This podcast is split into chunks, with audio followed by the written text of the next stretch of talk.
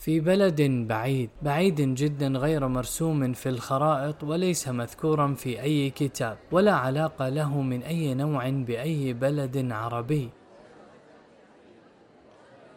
التقيت مجموعة من الرجال في مقهى العاصمة الوحيد. ربما يسأل سائل عن الهدف أو الدافع لوصولي إلى مثل ذلك البلد البعيد وأقول إن الأمر تم بالصدفة. حتى إنني لا أعرف كيف وصلت أو لماذا. هكذا وضعت حرف جر غير مكرر. والحقيقة الصرف هي أنني فكرت في البداية بإسقاط طائرة كنت على متنها لكنني قلت في نفسي علامة تحطيم وقتل الناس. ما دمت في النهاية سأنجو لأكمل الحكاية وما دام بإمكاني الوصول إلى ذلك البلد بكتابة العبارة على الوجه التالي. التقيت مجموعة من الرجال في مقهى العاصمة الوحيد.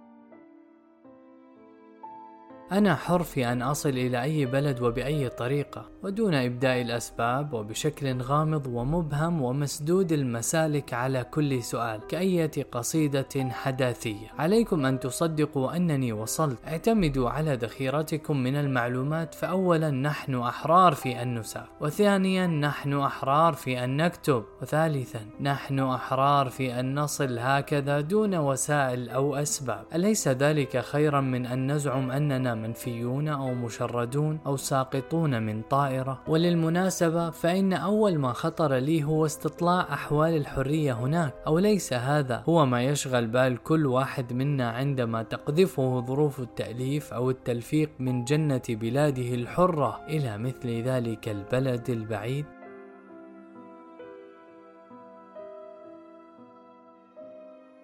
سألت واحدا من الرجال وأنا أرتشف الشاي الذي كان بلا طعم. لماذا شايكم بلا طعم؟ قال بوقار غير مصطنع. أنت غريب دون شك. شاينا هو شاي المواطنة الصالحة. إنه خال من الكافيين لأنه منبه وخال من السكر لكي لا يجعلنا حلوين. صدمني جواب الرجل وحرضني على استطلاع حال الناس. فإذا كان الشاي يعامل بهذه الطريقة فكيف يعامل المواطن؟ قال لي الرجل المواطنون عندنا والحمد لله أربعة أنواع إما عبد وإما مأمور وإما عبد مأمور وإما عبد المأمور سألته مشفقا وأنت من أي نوع؟ أنا المأمور لماذا؟ لأنني عبد سألت رفيقه وأنت؟ قال أنا مثله تخرجنا في مدرسة واحدة آه عندكم مدارس؟ مدارس كثيرة السجن مدرسة في بلادنا الأم مدرسة وعندنا أيضا ما يشبه ذلك الأم في المدرسة. السجن ليس حكرا على أحد جميع المواطنين يجب أن يكونوا متعلمين. سألت الرجل الثالث وأنت من المدرسة نفسها؟ قال لا أنا من مدرسة أخرى أنا عبد. لماذا أنت عبد؟ لأنني مأمور.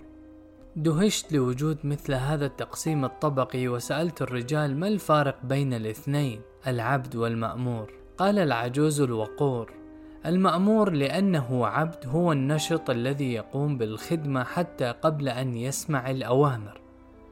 أما العبد لأنه مأمور فهو الذي ينتظر حتى يسمع الأوامر. لا فارق كبيرا بين الاثنين إنه كما ترى قليل من الكسل.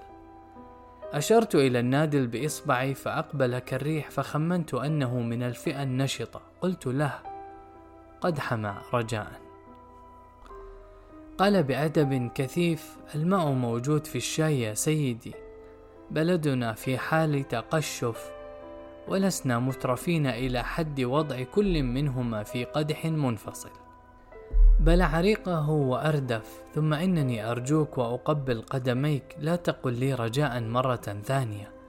إذا رجوتني فسيدخلونني المدرسة مرة أخرى سيقولون إنني تجاوزت طبقتي أرجوك يا سيدي. ما أنا إلا عبد المأمور.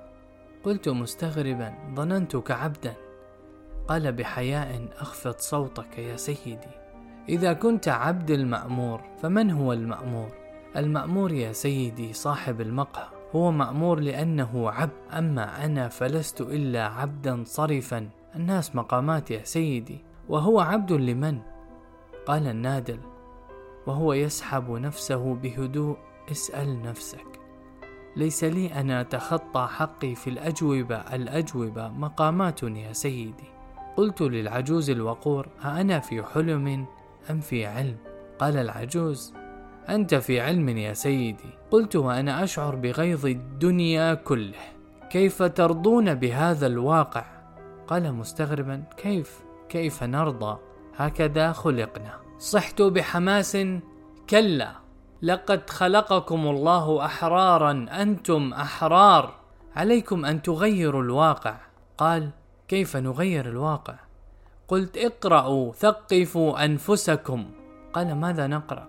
اقرأوا الدستور. لا دستور. اقرأوا الكتب. لا كتب. الكتب ممنوعة عن المواطنين الصالحين. اكتبوا كتبا. الكتابة ممنوعة. انشروا في الصحف. الصحيفة الوحيدة لدينا لا تؤمن بالحروف. هي عبارة عن صفحة واحدة تحمل صورة سيدنا العبد الأعظم. اصرخوا! عيب أن تقول هذا يا سيدي. إن بلدنا في حالة تقشف وهو يحتاج إلى كل ما يمكن من الهدوء والسكينة. أخذني الغيظ بعيدا. قلت للرجال سأصرخ نيابة عنكم. قال العجوز الوقور إذا شئت أن تكون مواطنا صالحا وسالما في الوقت نفسه فإنني أنصحك يا سيدي بالتزام الهدوء والسكينة إذا صرخت فستقلق راحة البلد وعندئذ سيحملونك إلى المدرسة. قلت باستنكار ومن قال لك أنني أريد أن أكون مواطنا صالحا؟ قال يجب أن تكون. القاعدة هنا هي أن تكون مواطنا صالحا أو تكون مواطنا مقتولا. هل تريد أن تقتل؟ صحت به غاضبا كلا أريد أن أرحل. رفع عينيه نحو السقف. وراح يربت على الطاولة مرسلا صفيرا خافتا متقطعا. ثم قال كالمتشفي لن تستطيع أن ترحل السفر ممنوع. ضحكت ضحكة باردة هازئة هذا ما تظنه؟ لا أحد يمكنه منعي من السفر أنا رجل حر من بلاد حرة. أخرجت قلمي ودفتر ملاحظاتي. ففغر الرجال أفواههم دهشة وأبعدوا أيديهم عن الطاولة بسرعة خوفا من التلوث بهاتين التهمتين. قلت وصدري مليء بالفخر.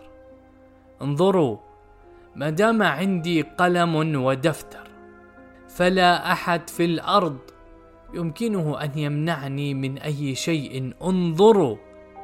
وكتبت بسرعة وبشكل ما استطعت الفرار من ذلك البلد البعيد المخيف. أف كلما تذكرت تفاصيل لقائي بمجموعة الرجال في مقهى العاصمة الوحيد في ذلك البلد البعيد. تنفست الصعداء وأغمضت عيني ووضعت يدي على صدري شاكرا للسماء على أنني لم أخلق أو أعش في بلد مثل ذلك البلد. عجيب! عجيب أن يحيا المرء في بلد مواطنوه أربعة عبد ومأمور أو عبد مأمور أو عبد المأمور. أليس ذلك عجيبا؟